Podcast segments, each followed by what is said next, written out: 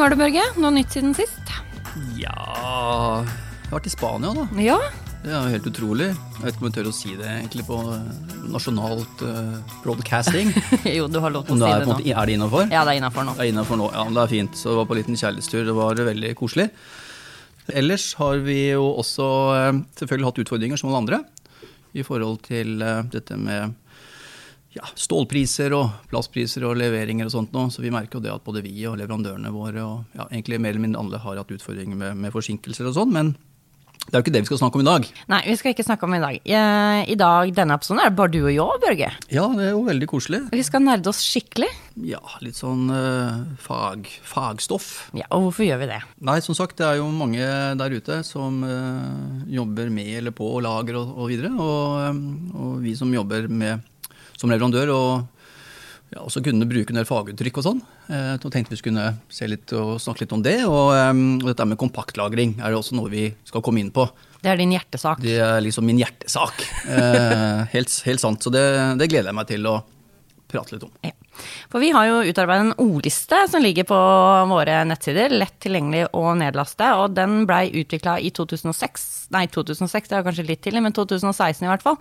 Eh, Og den er fortsatt ganske ofte nedlasta på våre sider. Um, Så det virker jo som at eh, det er en del definisjoner og uttrykk som ikke er så lett å få tak på. Um, for husker du hvordan det var å begynne å jobbe i denne bransjen i forhold til terminologien? Nei, det er jo klart. Det er jo sånn i, vår bransje som i alle andre bransjer, at eh, man eh, sier eh, og kaller ting ulikt, om det er et, produkt eller hva det måtte være. Og vi ser jo at det, dette her med altså vår verden med VMS og lagerstyring og grenroler og gjennomløpsroler, eh, mesaniner, altså det er mange produktgruppeuttrykk som mange ikke kjenner til. Så Ja, og jeg innimellom så er det jo Jeg også har ikke bestandig helt eh, kontroll på hva det snakkes om. Så jeg tenker egentlig vi bare begynner rett på. Ja. ja. La oss begynne med det første som jeg har tenkt på her om dagen. Uh, hva er batchplukk, Børge?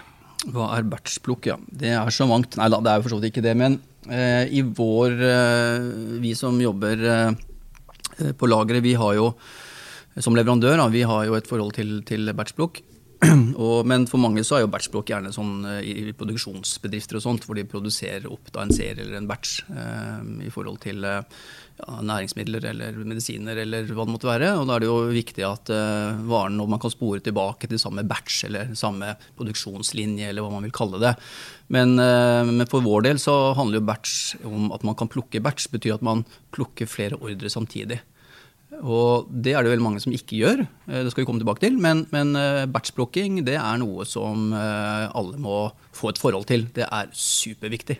Da plukker man flere ordre samtidig. Ja. Og ofte så snakker vi da også om A- og B- og C-varer.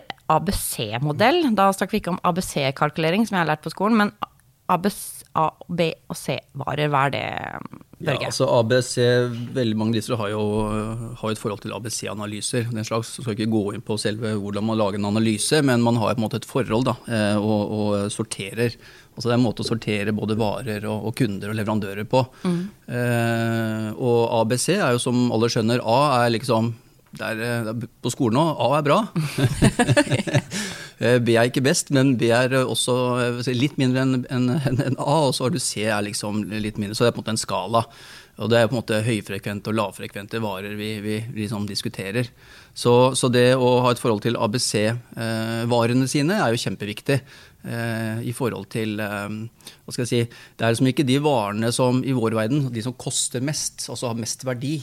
Det er ikke de som er viktig for oss, og som er på en måte det A-varen. Det er ikke den varen som skal ligge fremst når du skal plukke. Så når man skal sortere lager, så, så, eh, så vil jo A-varene være de, si, de varene du plukker flest ganger, og mest i løpet av en dag eller i løpet av en uke og en måned. Ikke dem du har lyst til å selge, men ikke de du du faktisk selge, selger. men dem du faktisk selger. Så hvis du plukker liksom 1000 binderser eh, om dagen, så, så skal den ligge så nærme som mulig. Da må man kjøre en ABC-analyse på varene sine, og det endrer seg jo også. Mm. Så det er jo ikke sånn at en A-vare er alltid en A-vare.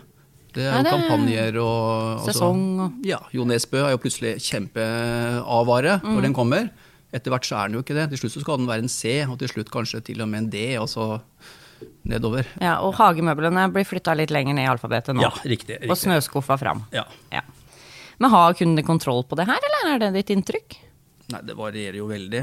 Vi besøker jo mange hundre lager i løpet av et år, og det varierer veldig. Mm. Og det er klart at De store bedriftene har jo et forhold til det. Eh, men jeg tror nok veldig mange av de mindre eh, har eh, mye mindre kontroll. Og Da kommer vi også over på lokasjoner og lokasjonsstyring. Mm. For da, Det kan være litt sånn forvirrende. A, B og C og lokasjoner og Forklar. Ja. Ja, altså Lokasjonsstyring, det er jo veldig mange lag i dag som ikke har hva skal si, en lokasjonsstyring. Altså De har, de har et ERP-system, et ordna system på bedriften. Og når det kommer til lagerbiten, så har det kanskje da en, en lokasjon, altså en vare får på en måte en lokasjon. Den ligger i hylle A, høyde sånn og sånn. Mm. Men der stopper det på en måte. Så den kan ikke styre automatisk eh, hvor den skal ligge og hvor ofte den har blitt plukka osv. Så, videre. så da kommer vi liksom inn på dette her med VMS. Og VMS igjen er jo da et sånn warehouse management system Um, og Før i tiden var det jo veldig mange som hadde måte, et CRM-system eller økonomisystem. Og sånn. Og, og VMS-systemet har jo blitt en egen del for, for selve lageret. Og da, da, får man virkelig utnytta dette med lokasjonsstyringen. At man kan da hva skal vi si, eh, legge inn parametere og sånt eh, i systemet. Og man kan da på få en effektiv plukk. Vi kommer ofte tilbake til plukk. da.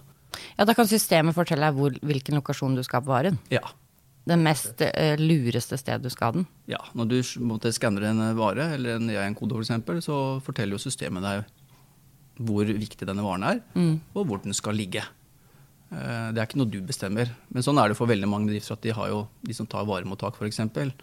Eh, om det er ja, lagersjefen eller uh, om det er varemottakansvarlig, noe sånt, og de ikke har noe system på dette her, så finner de bare en ledig plass. Mm. Så setter de den der.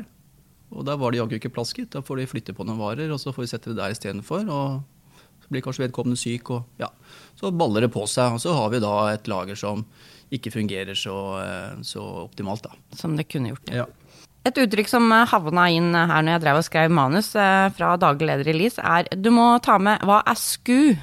SKU, ja. ja det er jo eh, De på gulvet har kanskje ikke sånn stort forhold til SKU, men altså det er jo stockkeeping Unit varenhet, eller altså det er en artikkel, kan du si. Eh, men, men eh, det er jo et Hva skal vi si Altså et produkt er jo en salgbar enhet. Eller det er en tjeneste. Og for et produkt skiller man mellom alt fra materialtype og størrelser og farger osv. Men og når en bedrift har varetelling, som når vi har varetelling på vårt, på vårt lager, så teller man jo antall SKU. ikke sant? Eh, men, men, SKU er jo på en måte hvor mange artikler har dere? Så hvis jeg spør f.eks. Eh, Oda, hvor mange artikler har dere i sortimentet deres? Eller eh, Rema 1000, hvor mange Ja, vi har brød, og så har vi makrell i tomat, og så har, vi, så har de kanskje 600 eller 6000 SKU. Mm. Så det er på en måte, de har sånn 6000 produkter. Ja. Så det er på en måte en altså Hvor mange artikler har dere? Mm. Ulik, ulike artikler. Skjønner. Lett enkelt sagt, da. Enkelt sagt. Ja. Eh, og så lærte vi på skolen, jeg husker i hvert fall både her og der, FIFO og LIFO. Ja. Hva er det, og hvorfor er det viktig å tenke på det? Ja, altså vi er jo veldig glad i FIFO spesielt, da. Mm. Og det er jo noe vi eh, jobber med å få alle til å, eh, å, bruke. Altså FIFO forstår jo da for eh, en vare som da sa FIFO betyr da first in, first out. Så det betyr jo at den, det er på en måte den ferskeste varen som plukkes først. Mm. Sånn at man, eh, hvis man har en, eh, en, datostempling eller en produkt som på en måte blir dårligere med tida, så er man helt avhengig av at man bruker på en måte FIFO-begrepet. Mm. Um, og så har du da f.eks. LIFO, som er liksom last in, first out. Uh, det er jo mange som bruker det òg. Uh, og disse hva skal vi si, Det avhenger litt av hva slags løsninger man lagrer varene sine i. kan du si da. Ja. Ikke sant? Så, så, hvis du har en, en rol hvor du på en måte setter inn, inn varer og, og, bygger opp bakover, ikke sant? så vil jo alltid den ferskeste varen flytte, altså ligge bak. Og så kommer da varene framover. Og klart da skal du plukke da, og så plukker du alltid foran, så vil jo på en måte den varen du burde ha plukka først, den ligger jo helt bak. Og så tenk hjemme i skuffen din, da. Du tar ut kjøkkenskuffen, og så har du kjøpt noen ja, brunsausposer. og så har du dem stabla bortover, så tar du alltid den, den mm. fremste mm. først. Mm. så vil jo den du kjøpte som du burde ha brukt, den ligger jo bakerst, og til slutt går den ut på dato, så må du kaste den. Så vi ser jo det. Og så har vi også noe sånn, noe Fino, som er litt sånn morsomt, som er sånn first in, never out. så, det, så, så, så det er egentlig begrepet man bare bruker i forhold til, eh, til dette her, da. Ja. For vi vil jo at folk skal fylle på back, Ja. så vi får en FIFO-effekt. Vi vil jo at man alltid eh, streber etter å plukke hva skal jeg si, den eh, ferskeste varen. eh, på en måte at den da ja, at, at, at det ikke blir liggende varer igjen da, som alle blir plukka som må kastes. Eller blir ødelagt. Det er jo en kjempekost. Det vil vi ikke ha. Nei. Om vi kan si litt om dette her om uh, din verden. For du er jo sånn veldig god på tall og økonomi og kommer alltid løpende til deg hvis, eh, hvis vi lurer på noe der. Og sånn i, i din verden, så dette her med omløpshastighet og eh, snakker man jo ofte mye om. Eh, eh, og ukurante varer og den slags. Men hvorfor er dette her så viktig? Det er viktig for omløpshastighet, er viktig fordi at man kan si noe om eh, hvor mange ganger du omsetter lageret ditt. Det er veldig dumt å bare kjøpe inn og kjøpe inn og kjøpe inn, eh, og så går omløpshastigheten amok. Eh, og så klarer du ikke å omsette varene dine. Eh, fordi man må huske på at varelager, det er penger. Det er penger som ligger oppover i hjulene. Um, så hvis du har en lav omløpshastighet, så har du høy kapitalbinding i varelageret. Det vil si at det er masse penger i varelageret ditt. Um, så vi liker jo uh, at man har en høy omløpshastighet, at uh, varene dine skifter mange ganger. At det ikke ligger lenge på hylla. Og da, Du var inne på det om å kaste varer, eh, og det er eh, det som har med ukurante varer. Det vil si at salgsprisen din vil være lavere enn hva du kjøpte den for. Det er en, etter definisjonen ukurant. Eh, og så er det noen skatteregler inne i bildet her, så staten sier at varen er ikke ukurant før du faktisk fysisk kaster den. Eh, men regnskapsmessig så kan, skal du ta en avgjøring om du faktisk får solgt den for det som du tenkte at du kom til å få solgt den for. Og det pleier vi å gjøre alle sammen når vi teller varer. Ja, men hvor jeg tenker på, vi, eh, vi er jo ofte ute hos kundene, og, og så ser vi på en måte noen varer som har støva skikkelig ned, som ligger der og tar plass, og som har kanskje ligget der i fem år, seks år, alt til ti år. Men det å kaste en vare sitter veldig langt inne for veldig mange. Eh, fordi at, eh, men det er fordi at man har i forhold til at man kaster jo ikke ting. Eh, og man tenker jo ikke så mye kanskje økonomi rundt det. Og, eh, og så tenker jeg at vet ikke om du har noen tanker rundt det, men eh, vi ser bare på vårt eget lager òg at det blir alltid sånn diskusjon at skal vi selge det ut billig, skal vi bare kaste det til slutt, for ingen som vil ha det gratis engang.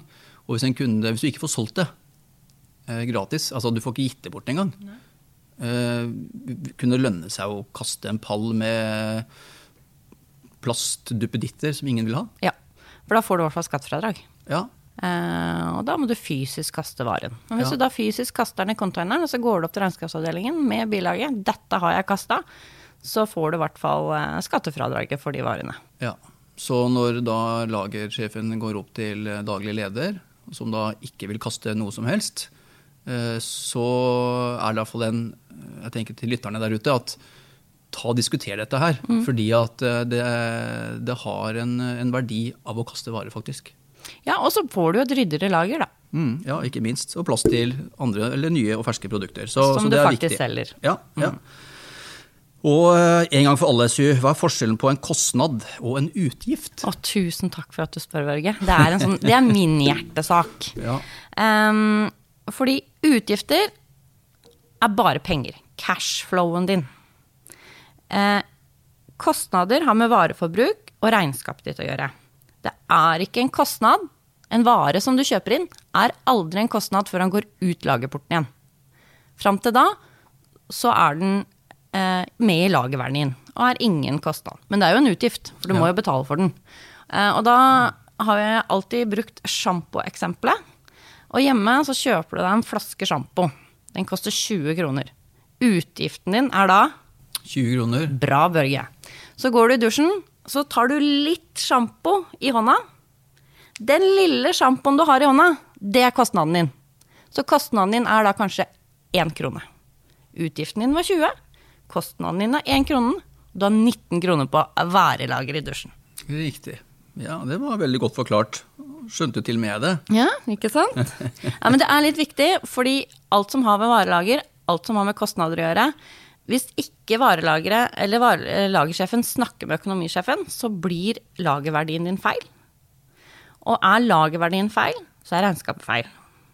Og det er veldig dumt eh, å rapportere til banker og ting hvis lagerverdien din er feil. Er, du kan se på butikker f.eks., eh, som kanskje rapporterer kvartalsrapport, og så sier de ja, lagerverdien er det, dekningen er det. Bare bruk bruttoen eller dekningen og juster lageret etter det. Så gjør vi det. Men det de ikke har fått med seg, er at 14 bergansjakker er stjålet. Det påvirker lagerverdien din. Så går det til året du teller, da, så finner du ikke de 14 bergansjakkene. Uh, og så har du ikke snakka med, og så blir det gærent. Viktig. Ja, jeg tror uh, det er vanskelig for oss å selvfølgelig vite hvor mange som uh, feiler på dette punktet, men jeg tror faktisk det er en del som har et litt for dårlig forhold til akkurat de tinga du I løpet av året så tror jeg det, altså. Ja, ja, absolutt. Og så må vi gå helt grunnleggende, for det her får vi det får Er vi borte fra økonomi nå? ja, nå er vi borte fra økonomi. Okay. Nå skal vi snakke om det som vi får Kjært barn har mange navn, sier de. Og det får vi på mailer eh, når folk skal ha deler til en pallerjol. Eh, så heter det veldig mye forskjellig. Men hva består en pallerjol av, Børge? Det består av stål. Nei da. Eh, ja, altså, alle har jo et forhold til pallereoler. Det er vel ikke så veldig mange som er så opptatt av uh, hva det heter, og, uh, og som bare, bare, den står og fungerer og holder pallen på plass, egentlig. Mm. Men i vår verden så er det jo at man har jo på en måte en bjelke, altså en pallereolbjelke. Det er vel det bransjen gjerne kaller det. Mm. Så hvis noen ringer til oss og skal ha en pallereolbjelke, så skjønner vi med en gang hva man skal ha. Eller en pallereolstige, eller en, en gavl eller noe sånt. Da får vi alt fra bøyestenger, og vi får om dere har noen stag uh, og sånt, og så er det litt sånn vanskelig å forstå alltid. Men en pallerol består egentlig av pallerolbjelker og pallerolstiger.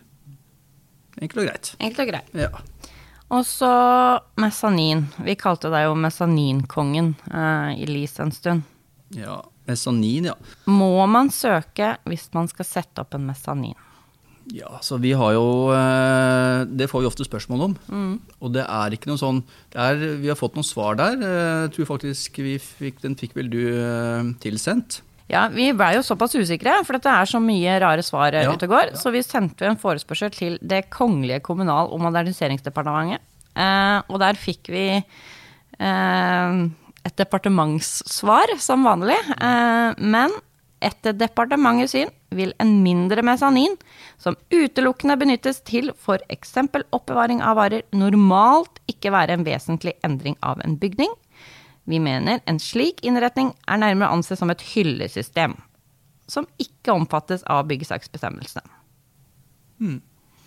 Ja, og det er jo for så vidt eh, riktig, men samtidig så er jo det også litt sånn komplekst i litt større saker. For det handler også litt om hvor Hvis du har et lagerbygg på 1000 kvadratmeter gulvareal, og så skal du bygge og Vi kan jo gå inn på mesanin. altså Hva er mesanin? Ja, hva er det? Der vi begynte, kanskje. og Mesanin er jo på en måte et, eh, et en ekstra etasjeskille. på en måte. Du, du setter inn eh, et, en ekstra etasje i bygget uten at du på en måte fester den inn til noen eh, byggsøyler eller sånn. Du, du setter rett og slett opp noen, noen, noen søyler og et gulv og, og bygger deg en, en, ekstra etasje mm. inne på, på lageret for å få mer lagerplass. Og klart at, så Det avhenger jo litt av hvor kompleks den mesanin skal være, og hvor stor den skal være. Så Hvis en tar liksom 80 av eh, arealet er en mesanin, så kommer, faller den kanskje litt utafor der. Men, men, en vanlig mesanin, en standard lite på et lager, det er ofte ikke søknadspliktig eller noen ting. Så det kan du sette, rett og slett bare sette opp. Ja, og så er det veldig viktig at det, det, må bare være ansatte, det kan ikke være noen kunder inni der. For da blir søknadspliktig med en gang. Ja da, så det er mange ting. Og så er det jo med, skal det være sprinkler og brann, og det er mange ting der også som vi kommer borti. Men det er jo bare å, øh, å ta, ta, kontakt selvfølgelig rundt det. Men, men det er, uh, der varierer det også. AGV. Jeg har ikke skjønt helt hva AGV er ennå. Hva er eh, AGV, Børge? Når skal man ha en AGV? Ja, altså AGV da, det betyr jo eh, Automatic Guided Vehicle. Eh, og mange har vel et forhold til AGV og tenker da at det er en trøkk som kjører av seg sjøl. Det tenker jeg. Ja. Er det feil? Nei da, det er helt riktig. Ja. Eh, men AGV det er jo ikke bare det. Så man kan si AGV i vår verden så er det jo Du har jo f.eks.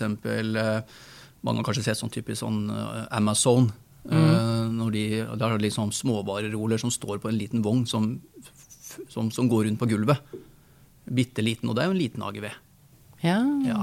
Så, så, AGV er jo, akkurat som du sier, automatisk hva skal vi si, eh, kjøretøy, altså som, som er førerløs. Ja. Så det er det som, som er. Så, men veldig mange kundene våre tenker jo AGV trøkk. Og det er jo helt riktig, men det er jo ikke bare det. Det fins jo alt som på en måte beveger seg sånn langs gulvet eller noe sånt, er jo på en måte en, en type AGV, da. ja. Er det mange i Norge som har det? Det har begynt å bli flere. AGV var veldig hot for mange, mange år siden. Eh, litt sånn som man snakker liksom at eh, liksom, nå kommer dronene, og nå kommer alt automatisk og AGV. Og det kan vi gå, altså om det var, jeg husker ikke hvor mange år, men vi snakker altså kan sikkert gå tilbake 20 år. Altså, AGV var liksom litt hot en liten stund, men det liksom, tok ikke av. Men vi merker nå, de siste ja, fem, fem åra, fire-fem åra, har det begynt å bli mer eh, Hva skal vi si eh, man, man ser verdien av det. Eh, og det handler sikkert både om kostnader og hva ting kosta før, og hva det koster nå, hva man får igjen av investeringen. Da. Så, så, eh, men AGV, absolutt. Det er jo når du skal flytte en vare fra A til B. Og f.eks. hvis du har et stort eh, lager hvor du kanskje har et varemottak, så får du inn en pall. Og så skal den pallen den tas jo av bilen, blir satt inn på varemottak. Og så kan den fraktes kanskje inn i en pallrol som står 70 meter lenger bort. Det eneste operasjon trucksjåføren gjør på det lageret, han, eh, han tar jo da den pallen på gaflene, kjører bort, setter den inn i rolen, kjører tilbake, henter en ny pall, kjører tilbake til pallrolen, setter den inn osv. Mm. Det er klart at hvis du kan automatisere det, Det er jo litt genialt. det er jo litt genialt. Så, men, og, og, og det må man jo se på. Det, det handler jo om at alle skjønner at det er smart, men det er klart at det har jo noen utfordringer, og det koster jo penger, og, og så må man jo se kost-nytte på hele, hele greia her. Så er du en liten bedrift med tre ansatte på et lager, så har du kanskje ikke så stort behov for en automatisk trøkk som kjører rundt. for det, det men det er mer hvis du har både litt avstander og en mengde varer som skal flyttes fra A til B. Ja, Så vi på LIS trenger kanskje ikke en AGV. Nei, vi trenger ikke noe AGV. Vi gjør ikke det. Og, og du kan si at AGV er jo gjerne altså Mange mm, har jo kanskje banesystemer i dag også. De monterer bane på, på gulvet, og så frakter da en, en ferdigplukka vare f.eks. fra A til B på et bånd. Mm. Det båndet er jo bare i veien. Du kan jo ikke bruke det gulvet til noe annet. Nei. Men der kunne du f.eks. hatt da en, eh, en sånn mini-AGV som går langs en uh, teip på gulvet. Og Så kan du plukke den varen, sette den på den lille AGV-en, og så frakter AGV-en bort til en pakker eller noe sånt, for, for eksempel. Ikke sånn. Vi er ikke inne på shuttle-systemer nå. Nei, shuttle-systemer er også litt forskjellig. Altså, shuttle-systemer er jo litt sånn eh, et ord som brukes Noen forbinder jo shuttles gjerne med sånne helautomatiserte lager. Uh, og, og, eh, og den slags. Men du har jo på en måte altså type shuttle for, for, for paller også. Som er eh, Altså hvis du har en pallerol, eller en, det vi kaller en dypstablingsrol f.eks. Dypt, og det er Eh, dypstablingsrol, det er på en måte eh, Altså mange kunder i dag eh, stabler jo varer oppå hverandre i en blokk. liksom. Du setter en pall oppå en pall oppå en pall. Eh, og når du skal ha ut den varen, så må du på en måte ta den, den øverste, altså, som en, bygge, altså en byggekloss. da. Du ser for deg en byggekloss, så setter du byggeklossen oppå hverandre, og så setter du da en byggekloss inn mot veggen, og så bygger du utover. Eh, og så har du da en, en, en dypstablingsrol som uh, Jeg er ikke så veldig glad i de, det ble solgt mye før, men det var litt fort skade på de og, og sånn. Men da har du på en måte en kanal, da. Uh, så du setter på en måte da en, lager en pallerol med skinner på. Så istedenfor å stable pallene på en måte oppå hverandre, så stabler du dem innover. Så som en tunnel, Ja. Se for en tunnel da, Ja. med skinner på. Så du putter, og så setter du da fra deg f.eks. pallen på denne F.eks. du kan ha en skinne, og så kan du eh, da oppgradere dette her etter hvert, eller bygge et eget system som heter type sånn eh, si, radio shuttle eller orbiter, eh, som vi kaller det. Hvor du har et skinnesystem, og så har du en vogn på en måte eh, på den skinna. Eh, og så setter du pallen opp på den vogna, så da vogna frakter da denne her pallen innover i tunnelen. Setter den fra seg, kommer tilbake, henter en ny pall, og så kjører den fram og tilbake helt til kanalen er full. Ikke sant? Ikke sant? Og så kommer vi tilbake der med FIFO og LIFO. For hvis den her står inn mot en vegg, f.eks., så vil jo alltid den varen du setter inn først, den vil jo bli stående helt bakerst. Ja. Da får du på en måte LIFO. Mm, og det vil vi jo ikke ha. Det vil vi jo ikke ha. Men da kan du åpne for så vidt kanalen i andre sida. Men da krever det jo mer gulvplass på andre sida. Sant? Så, så det her er ikke, ofte er det snakk om liksom pest eller kolera. Mm. Eh, Men det kommer tilbake under kompaktlagring. Men, men eh, også er det noen som tenker sånn type shuttle er jo liksom eh, hva skal jeg si, automasjonsshuttler for, for type sånn si miniload eller ja, mer automasjonsløsninger. Da. Fordi nå begynte vi å komme jo inn på det med plassoptimalisering. Ja. Hva er det? For nå, nå, er vi, nå, er vi, snart inne i din ja, kjernesak, valgkampsak, kompakt lagring. ja. Hva er plassoptimalisering? Ja, så det er jo på en måte eh, utnytte eh, hva skal vi si, gulvarealet og den plassen man har på en mest mulig hva skal vi si, effektiv eh, måte for lagring av varer, altså kompakt lagring. For det handler jo gjerne at man vil jo gjerne ha så mange, si, så mange varer som mulig på et lite gitt område, så, så varene på en måte er lett tilgjengelig. Men kompaktlagring i vår verden er jo, er jo mer enn det. Fordi at kompaktlagring, det, det, det, møter man jo altså Alle har jo et forhold til det, da. Eh, men det, det møter man jo at når man da skal man på en måte skal man flytte ut fra et lager fordi at man har for liten plass?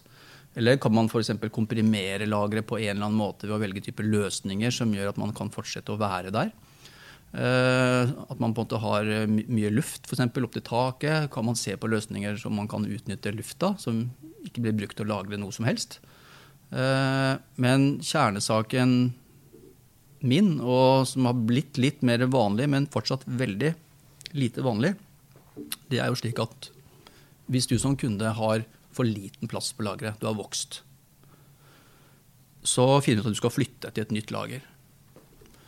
Og da, første man gjør da, i, som vi opplever det, er at man, eh, man snakker da Man selger seg selvfølgelig litt sånn på behovet sitt internt.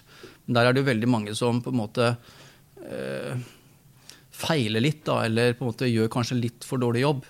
Eh, det gjelder selvfølgelig ikke alle, bare så det er sagt noen er kjempeflinke. Eh, men det er mange som feiler der. og og på en måte tenker at man, I dag har vi 2000 kvadratmeter lager, så vi, jo, vi, skal jo vokse med så og så mange prosent. Så vi bygger et lager på 4000 kvadratmeter eller 3000 eller 20 000 kvadratmeter lager. Så gjør man det, får en arkitekt og finner tomt, og så, så, og så bygger man lageret. Og så tenker man vi skal ha noe inni dette lageret. Og det er klart at hvis du ikke har erfaring eller kjennskap til de mulighetene som finnes der ute, som vi er inne på, om det er automatisering, semiautomatisering, AGV-trøkker, skal vi ha mesanin, skal vi bare ha palleroler, skal vi ha pushback, skal vi ha lagerheiser, skal vi ha autostore? Altså, det bør man jo definere helt klart først. Mm. Selv om du bare skal ha palleroler, altså har du et lite lager på 1000 kvadratmeter, eller har du et lite lager på 500 kvadratmeter, kanskje desto viktigere også, så, så vår og min kjernesak er jo at man må jo sette seg ned eh, sammen med noen som kan lager. Mm. Eh, og ikke lagersjefen. altså misforstå meg rett, Lagersjefen kan sine interne rutiner, men har kanskje jobba i den bedriften i, i, 20 år. Og så spør man lagersjefen hva slags behov har du på lageret. Og lagersjefen han kjenner bare til for at de har jo palleroler og litt sånt, og ja, de trenger så og så mange palleplasser. Mm. Så bygger man da et lager ut ifra hvor mange palleplasser man trenger. Eh, og så tar man kanskje en snakk med en leverandør, f.eks. med LIS eventuelt. Og så finner vi ut at eh, nei, vi skal ha noen lagerautomater, vi skal ha en liten eh, Orbit-løsning, vi skal ha noen pushback-roller og sånt nå. Og så får vi plass til de samme varene på halve plassen du trodde du hadde trengt det. Mm. Og du kan til og med vokse. Så, så, så, så det å definere takhøyde, hvor høyt skal du bygge?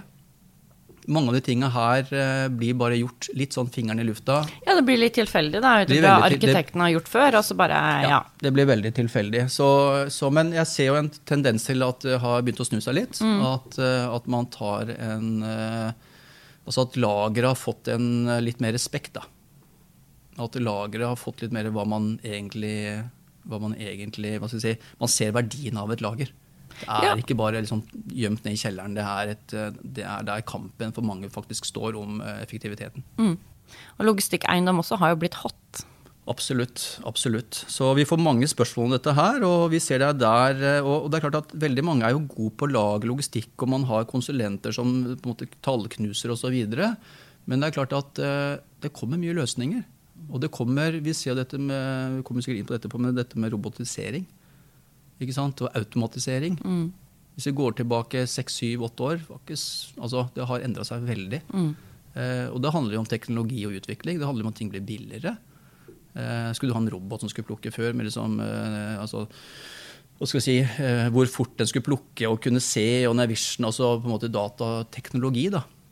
Kjempedyrt. Det har blitt billigere og billigere, det også. Eh, og det er klart at hva som fins av løsninger der ute. altså Når, når så vidt at vi klarer å henge med i svingene, så kan du tenke deg hvordan det er for en, en, en logistikksjef eller en lagersjef eller en lag- lagerstant å skjønne hvilke liksom altså Det handler jo om Hvis du tar en, en kulepenn eller en, en, en telefon eller en, stol eller en, eh, trapp eller eh, ja, hva som helst, så, så, er så er poenget hvilken løsning passer denne varen i i forhold til for det første hvor høyfrekvent den er. altså Er det en ABC-vare, f.eks.? Det er det ene. Eh, For en, en vare kan passe inn i to forskjellige løsninger. Du kan passe inn en pallerol, men samme varen kan også passe inn i en eh, hva skal jeg si, en lagerautomat, f.eks. Mm. Og så, videre. så, så, så dette her har begynt å bli mer komplekst. eh, Og, eh, og det er viktig for, for, for bedriftene som tenker lager. Det her må de, de jaggu meg begynne å se på. Ja, for det er mange nå som kanskje har drevet standard eh, pallerjordlager i flere år. Eh, og nå begynner de også med nettbutikk. Eh, og så tenker de ok, nå må vi flytte, for nå skal vi begynne med nettbutikk. Eh, og så hiver de seg rundt, og så blir det kanskje gærent. Ja, altså de fleste lag i dag begynner jo altså, En ting er hvis du har et lite lager, så plukker du de, de varene og har gjort det alt, du kommer alltid til å gjøre det. Det er jo én ting. Men veldig mange som du sier, har starter kanskje nettbutikk. De vokser. Plutselig så, så er det sånn at omsetningen i bedriften altså Før var det kanskje 5% som eh, altså var nettbutikken liksom sto for 5% av omsetningen. Og det er klart at hvis det plutselig da blir 30 Mm. av omsetningen, da skjer det noe nede på det lageret. Det sier seg sjøl. Eh, og det er klart at eh, det, er jo, det er jo da det, man, man virkelig må se. Det er klart det er jo noen kunder som er kjempeheldige, som selger hele paller og får hele paller inn og hele paller ut. Altså et, et fryseanlegg som får en pall med, med, med fisk, og så skal den inn og så skal den ut. Det er Ja. jo noe helt annet. Men for noen som driver med nettbutikk, f.eks., det setter eh, noen utfordringer ned på lageret. Eh, og spesielt da når på en måte jeg og du og hvis vi har, jeg har én bedrift, og du har én bedrift, og så er vi tre-fire bedrifter som etter hvert begynner å selge ganske mye av de samme varene. Eh, koster det samme. Mm. Eh, så det er klart at hvor skal man tjene pengene? Eh, og, og liksom få inn det ekstra overskuddet. Så klart så er jo da på en måte hvor effektivt man f.eks. plukker og alle disse tingene her kommer jo bare mer og mer tydelig fram. da. Mm. Og returer. Det veit du. er. Returer og så videre, ikke sant. Ja. Så, eh, da, så, så dette med, med kompakt lagring, eh, der, der, der fins det masse forskjellige løsninger for småvarer og for hele paller, for kartonger. Og, eh, og det er jo det man må, må se på. Fordi vi har jo hatt kunder som har hatt opptil 4000 kvadratmeter lager og skulle bygge, bygge et sånt type lager. For de hadde det hadde kanskje 3000 kvadratmeter fra før. Du skulle til og med ta inn et nytt et vareparti fra Sverige eller ta av en, en forhandler i Sverige og skulle få inn enda flere varer.